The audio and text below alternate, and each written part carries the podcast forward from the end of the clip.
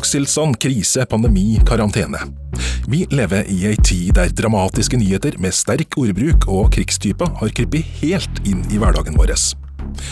Du har kanskje følt på at du helst vil skru av nyhetene og skjerme deg fra all elendigheten. Da kan det fort være at du er det forskerne kaller for en nyhetsunnviker. Og i dette programmet skal du få høre at du slettes ikke er aleine. Og det blir mer korona, for du skal også få høre hvordan de nederst på rangstigen i norske redaksjoner, nemlig frilanserne, klarer seg i den økonomiske koronakrisa. Jeg heter Lars Erik Ertsgaard Ringen, og du hører på mediemagasinet Kurer.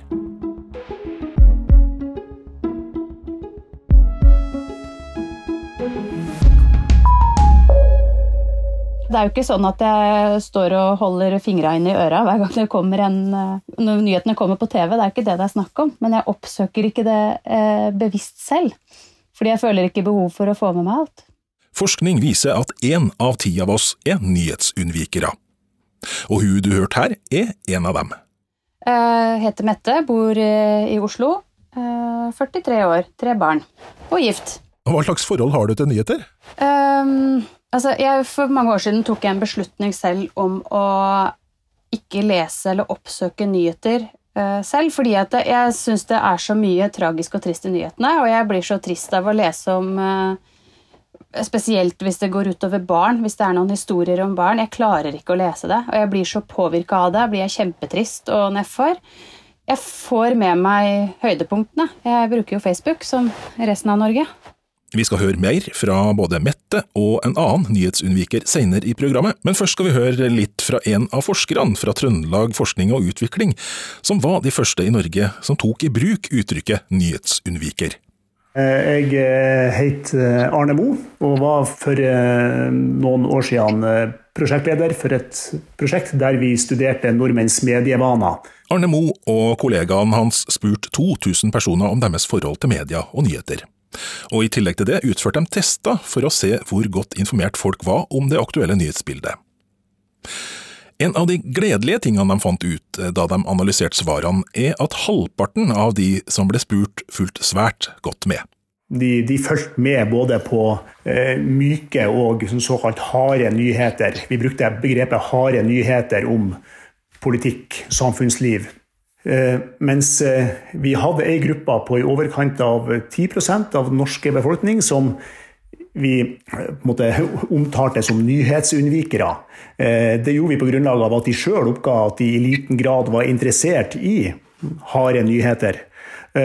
Og de skårte også veldig mye feil på denne kunnskapstesten. Men hva sier forskerne om hvem det er som er den typiske nyhetsunnvikeren? Ikke overraskende så var det jo de yngste, altså de under 30 år, som i minst grad følger med på det her harde nyhetsbildet. Eh, også en sterk sammenheng med, med, utdanningsnivå. Jo høyere utdanning, jo mer interessert var man i å følge med. Og så var vi litt overraska òg at det var ganske markante kjønnsforskjeller. At menn følger mer med enn en damer. Eh, vi trodde jo kanskje at disse kjønnsforskjellene skulle være mindre blant de unge, altså de som er under 30 år.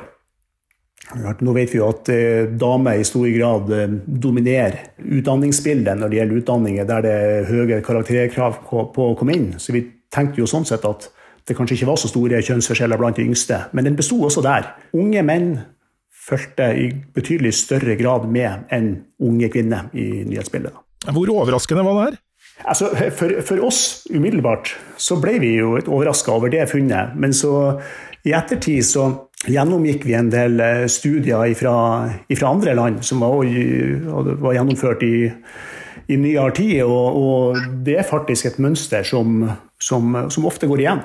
I et demokrati som det vi lever i, har vi en tanke om at det er viktig at vi alle følger godt med på det som skjer rundt oss, for at vi skal kunne gjøre gode avgjørelser når vi skal gå til valg.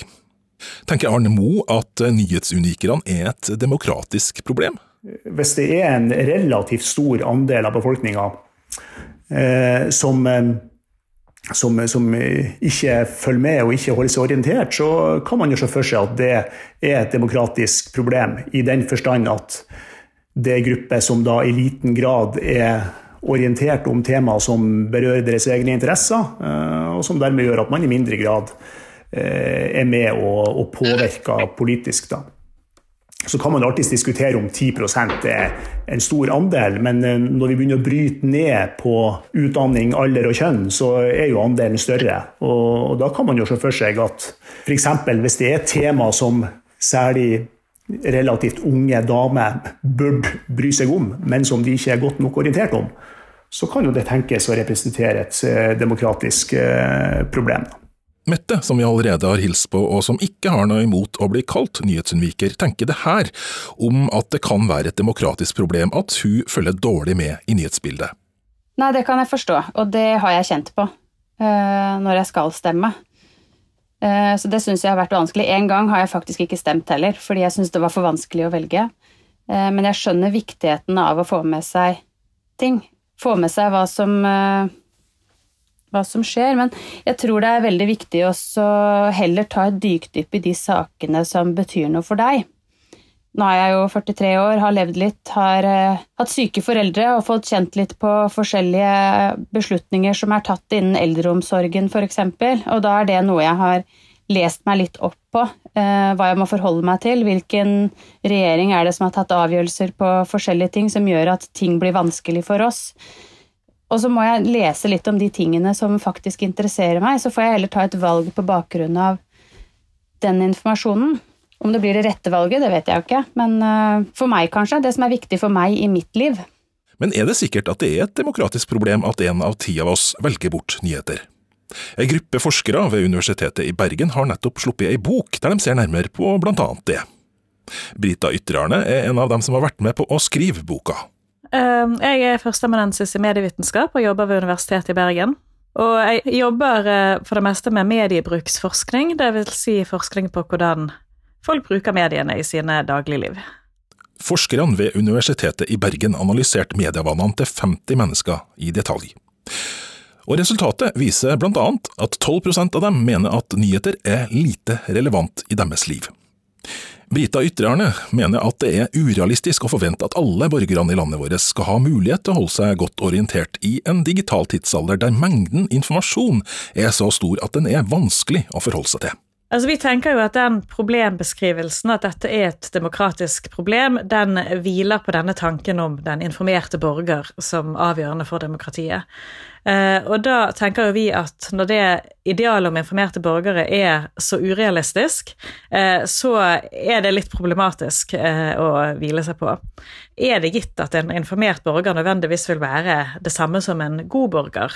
Og innenfor veldig mange demokratimodeller så vil jo det være en tanke om at borgerne skal, skal kunne utøve den viktige borgerrollen med å stemme ved valg, og må da kunne koble seg på det som skjer, i den grad det er nødvendig. Eh, men i boken vår så lanserer vi da beretteborgere som et mulig alternativ. Eh, og da sikter vi nettopp til det at man får informasjon gjennom sosiale nettverk, eh, og at man kan knytte seg til ulike deler og tema i offentligheten. Sånn at det trenger ikke hvile på bare selvstendig informasjonsinnhenting. Det er også mulig å ha en, en demokratisk beredskap i form av at man kjenner mennesker, har eh, jobb, lokalmiljø, familie eh, og medier og masse annet å trekke veksler på. Førsteamanuensisen mener at det er vanskelig i hverdagen vår å være helt frakobla. De aller fleste av oss bruker jo medier i noen grad. Det er noe annet vil rett og slett være veldig vanskelig å få til i det samfunnet vi lever i. Eh, men vi ser jo det selvfølgelig at det er forskjeller i hvilke medier, hvilke teknologiske plattformer, hvilke innholdsleverandører og hvilke bruksmønstre folk har. Eh, når det gjelder nyheter, så er det jo sånn at det er mange studier eh, som har pekt på da at eh, noen bruker nyheter sjeldnere enn andre, og så er det gjerne da noen eh, grupper som er overrepresenterte blant de, eh, og da er det gjerne litt bekymring for de unge. Eh, og i noen studier også da vært litt bekymret for at det er en del flere kvinner enn menn i denne gruppen. Og en av kvinnene i denne gruppa er altså Mette. Det er ikke alt jeg får med meg, og det merker jeg. Og det er ikke alt jeg trenger å få med meg heller lest noen artikler om det og skjønt at det har vært litt forskning på det. At uh, det er mange som svarer hvis det er noe viktig, så forteller kona meg det. Og jeg kan vel si at hvis det er noe viktig, så forteller mannen meg det. Men så når jeg er på Facebook, så får jeg jo opp uh, høydepunktene. Uh, jeg følger jo VG og Dagbladet og Aftenposten, sånn at jeg bare kan lese overskriftene. Og hvis det er noe jeg føler at jeg har interesse av, så kan jeg gå inn og lese mer. Men jeg sitter ikke og leser Jeg, jeg går ikke inn på appen engang på VG og Dagbladet og Aftenposten og scroller gjennom for å se hva som er i nyhetsbildet. Jeg føler at jeg ikke har behov for det. Forskerne i Trøndelag Forskning og Utvikling var i 2016 først ut med å bruke uttrykket nyhetsunnviker i Norge, forteller Arne Moe. Det er Nær sagt takk for det, men vi, det er et begrep som vi oversatt fra eh, tidligere internasjonal forskning, så det er brukt før. Det var ikke vi som eh, Ja, Norgespremiere kan vi jo kalle det. Ja, ja ikke sant. Men, men vi brukte det eh, som en litt sånn kall gjerne litt sånn karikert merkelapp for å få frem eh, det poenget om at det er en del av befolkninga som følger altså lite med i nyhetsbildet. Men, men, det er viktig å presisere at de her store forskjellene og det her nyhetsunnvikerbegrepet, det handler da om interesse for å følge med på politikk og samfunnsliv og litt mer sånn hardt stoff. Altså, de her nyhetsunnvikerne de følger med på eh, nyheter som er knytta til eh, spesielle hendelser som har skjedd i disse dager, um, korona, vil jeg tro. Eh, der ser vi ikke så store forskjeller i, eh, når det gjelder nyhetskonsum. Forskerne ved Universitetet i Bergen valgte å kalle denne gruppa for sjeldenhetsbrukere i stedet for nyhetsunnviker, sjøl om Brita Ytrarne syns det er et greit uttrykk. Altså, Jeg syns at det kan være et veldig fint uttrykk for å beskrive nettopp en sånn eh, opplevelse av at eh, man kanskje ønsker å vende seg bort fra nyhetene fordi at det kan bli for mye, det kan bli slitsomt og vanskelig. Det er mye som skjer i verden som kan være overveldende å forholde seg til. Og da tenker jeg at det er et godt begrep. Eh, men ofte så brukes begrepet nyhetsunnviker om de som egentlig bare bruker nyheter litt sjeldnere enn andre. Altså, de følger fortsatt med, og de har fortsatt nyheter som del av sitt daglige medierepertoar. Eh, men eh, kanskje at de ikke ser Dagsrevyen hver eneste dag og leser tre aviser. Eh, så da er sjeldenbruker et mer presist begrep hvis man ønsker å beskrive at man bruker nyheter, men i litt mindre grad enn de aller ivrigste av oss. Men hva tenker nyhetsunikerne, eller sjeldenhetsbrukerne om vi skal bruke det uttrykket, om seg sjøl? Jeg vil jo si at jeg er veldig engasjert. Jeg får jo med meg det jeg skal få med meg. Men jeg får ikke nødvendigvis med meg i form av eh, de nyhetene som blir sendt hver halvtime eller hver, hver time. Men jeg får med meg de store linjene. Det gjør jeg jo. Dette er status i Norge mandag 16.3. 1077 mennesker er bekreftet smittet her i landet av dette koronaviruset som nå sprer seg, men tallet er trolig mye høyere, for folk flest blir ikke testet. Alle som har eh, symptomer på Jeg heter Parisa Radpøy, og jeg er 47 år gammel.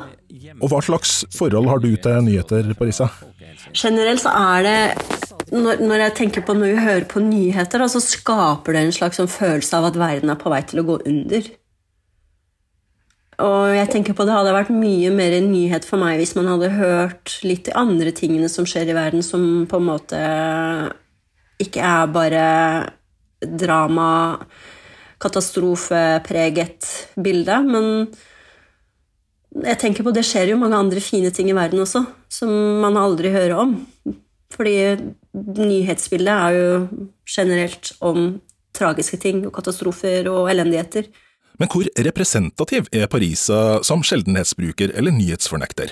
Jeg spør førsteamanuensis Brita Ytreide. Det kan variere, men det er flere studier også her i Norge som har pekt på at for noen så handler det om at man blir eh, overveldet av at det er mye elendighet i verden, og at det blir ubehagelig eh, og emosjonelt vanskelig eh, å følge med på nyheter. For andre handler det om at nyhetene ikke oppleves relevant, at man heller ikke helt, ikke helt skjønner hva man skal med den informasjonen, men konsentrerer seg om eksempelvis studier eller jobb eller egen, eget liv på den måten. Og så er det sånn at for noen så oppleves det irrelevant fordi man opplever en stor avstand til de temaene og de menneskene som figurerer i nyhetene. Eh, og det kan bl.a. ha å gjøre med sosiale klasseposisjoner, eh, der eh, det, man opplever at eget liv er langt unna det som det snakkes om på Dagsnytt 18. Og en del har et dårlig forhold til etablerte medier. Men vi ser jo det at blant informantene våre og de vi har snakket med, så er det en del misnøye også med mediene. Med at de opplever at det blir eh, At ting kan bli tabloid, at det kan bli overforenklet, at det kan bli for mye informasjon. Og en sånn hopping fra det ene til det andre som gjør at det er vanskelig å få prioritert hva som egentlig var viktig. Nyhetsunnvikeren Parisa er en av dem som er skeptisk til om det bildet vi får av verden gjennom nyhetsmediene er korrekt. Og når du har hørt på det i løpet av en dag så mange ganger, så blir det en del av din virkelighet, og da tror man på det. Da mister man kanskje litt den der kritiske sansen på hva er det egentlig som skjer i verden. Så for meg så blir det en slags sånn hjernevasking, da. For da har du hørt det så mange ganger at det er rett og slett Det kan ikke være en annen virkelighet enn det du har hørt. Sånn er det hjernen fungerer, tenker jeg. Men hva kan nyhetsmediene gjøre for å nå de ti prosentene som mer eller mindre bevisst velger dem bort i hverdagen? Vi kan i hvert fall tenke at mediene kan ha et potensial for å tenke kreativt da, på hva slags formidlingsmåter og plattformer som kan tas i bruk for å nå forskjellige folk. Eh, der kan det nok ligge noen interessante muligheter. Som du har hørt, har Brita Ytre-Arne og de andre forskerne funnet ut at det særlig er unge mennesker og kvinner som snur ryggen til nyheter. VGs nyhetstilbud på Snapchat har hatt stor suksess med å henvende seg til nettopp denne målgruppa. Randi Midtskog, som er prosjektleder for Snapchat-satsinga, forteller at 60% av brukerne er unge kvinner. Eh, vi ser at eh, vi må holde oss unna de sakene som faktisk ikke er kjempeviktig for uh, unge lesere. Noe av nyheter som nødvendigvis ikke interesserer dem sånn i første øyekast, må vi også ha med, men det er ganske mye stoff, f.eks. politikk, som, som, ikke er interessant for dem. Og vi velger da kanskje de riktige sakene og presenterer dem på den måten de, de klarer å konsumere, da, ved at det er korte tekster og at alt er eh, litt mer visuelt. Vi henvender oss direkte til dem og forenkler språket, eh, men prøver å gi dem den bakgrunnsinformasjonen bakgrunnsinformasjon og den informasjonen de trenger da, for å kunne henge med på det som skjer i samfunnet.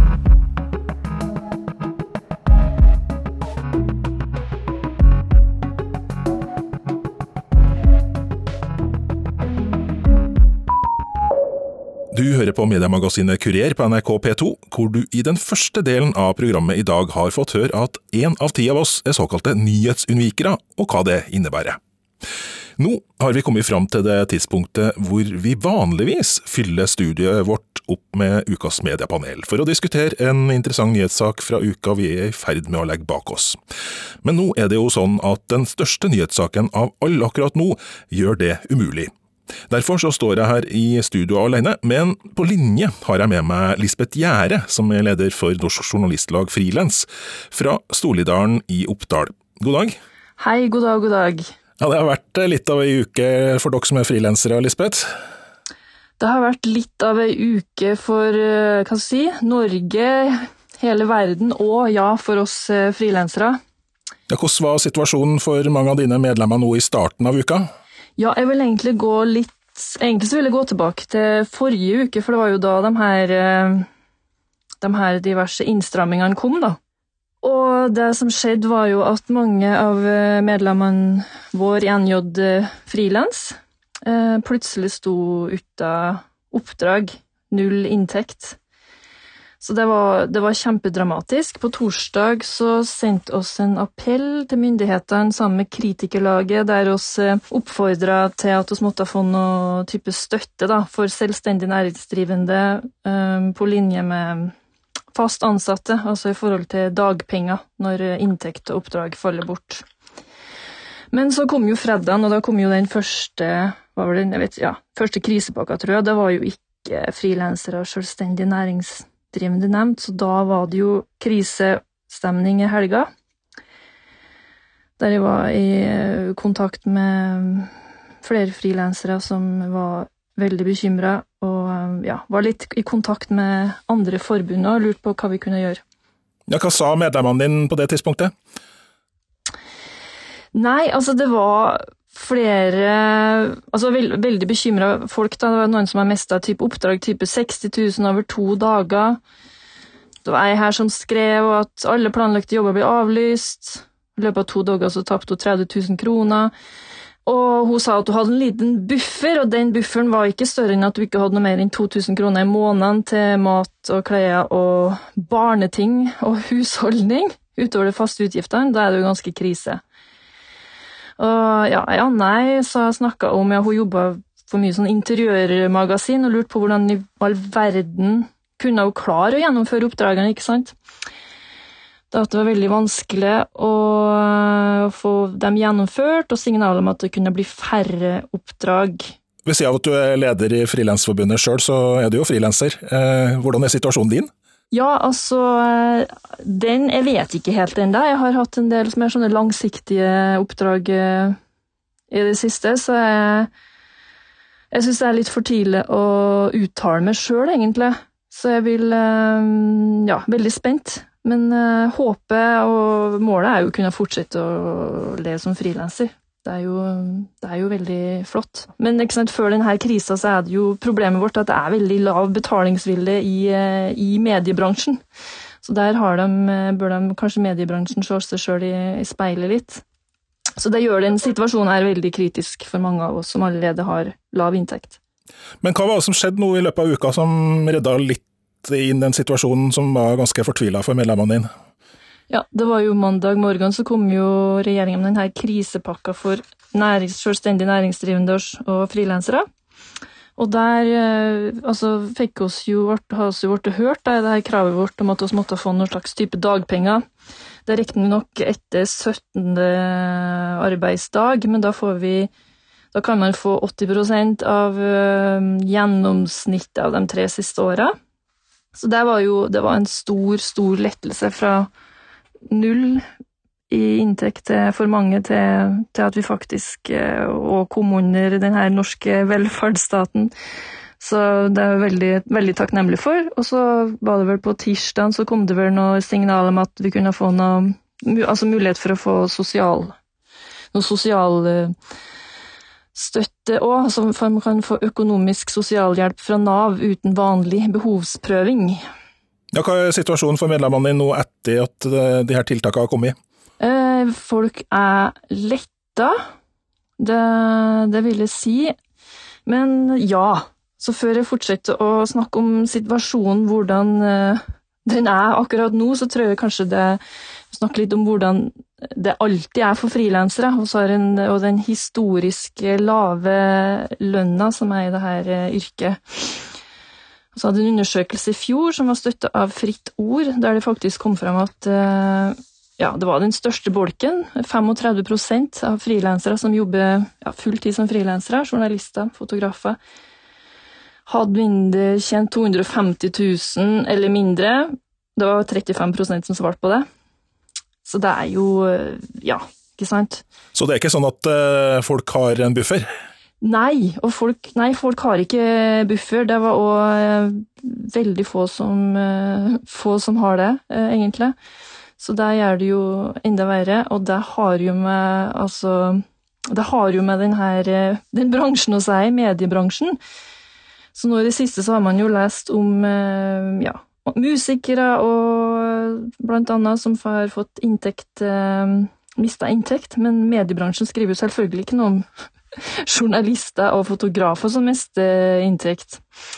Men du, I løpet av denne uka så har vi jo sett de første tegnene på at koronaepidemien vil ramme mediene og økonomien der hardt. Annonseinntektene stuper, og vi har allerede fått de første permitteringene. Mm. Hva tenker du om de ukene og månedene som kommer nå for frilansere? Nei, altså der har vi jo fått tilbakemelding på at folk jo, føler jo på den usikkerheten. Og hvis det er noen som er allerede i utgangspunktet er ganske vant til å føle på usikkerhet, så er jo frilansere, men nå tror jeg den begynner å bli litt for stor her. Og ehm, ja, folk lurer på hva er det, noe, er det noen oppdrag på den andre sida. Altså, Sjøl begynte jeg å jobbe som frilanser like før finanskrisa kom i 2008. Da var jeg i Argentina, hadde flytta dit, til Buenos Aires, og skulle livnære meg som frilanser i 2008. Og opplevde hvordan frilansbudsjettene, frilansbudsjetter utenriks hvordan de ble drastisk kutta etter, etter finanskrisa. Så det er vi jo litt redd for nå, da. Altså, det er jo enkelt å kutte de her eh, budsjettene til frilansere. Så det er, det er, ganske, det er ganske skremmende. Ja, det, Tror du det er frilansbudsjettet som ryker først? Altså, no, Sammenlignet med 2008 så er det jo veldig mye Det er store endringer. Eh, men ja, det er jo enklere å ta bort deg i stedet for å si opp folk. Så det er vel en mulighet for det. Men samtidig så kan det jo bety muligheter òg, at det åpnes muligheter, at det er behov for uh, flere frilansere, mer fleksibilitet. Men da er i hvert fall uh, vårt budskap at uh, det skal ikke være argumentet skal ikke være at frilansere skal erstatte fast ansatte. Det skal ikke være billig å bruke frilansere. Takk for at du var med, Lisbeth Gjerde, leder for NJ Frilans. Vi har kommet til enden av Kurer for i dag. Jeg heter Lars Erik Ertskåringen og er tilbake neste lørdag.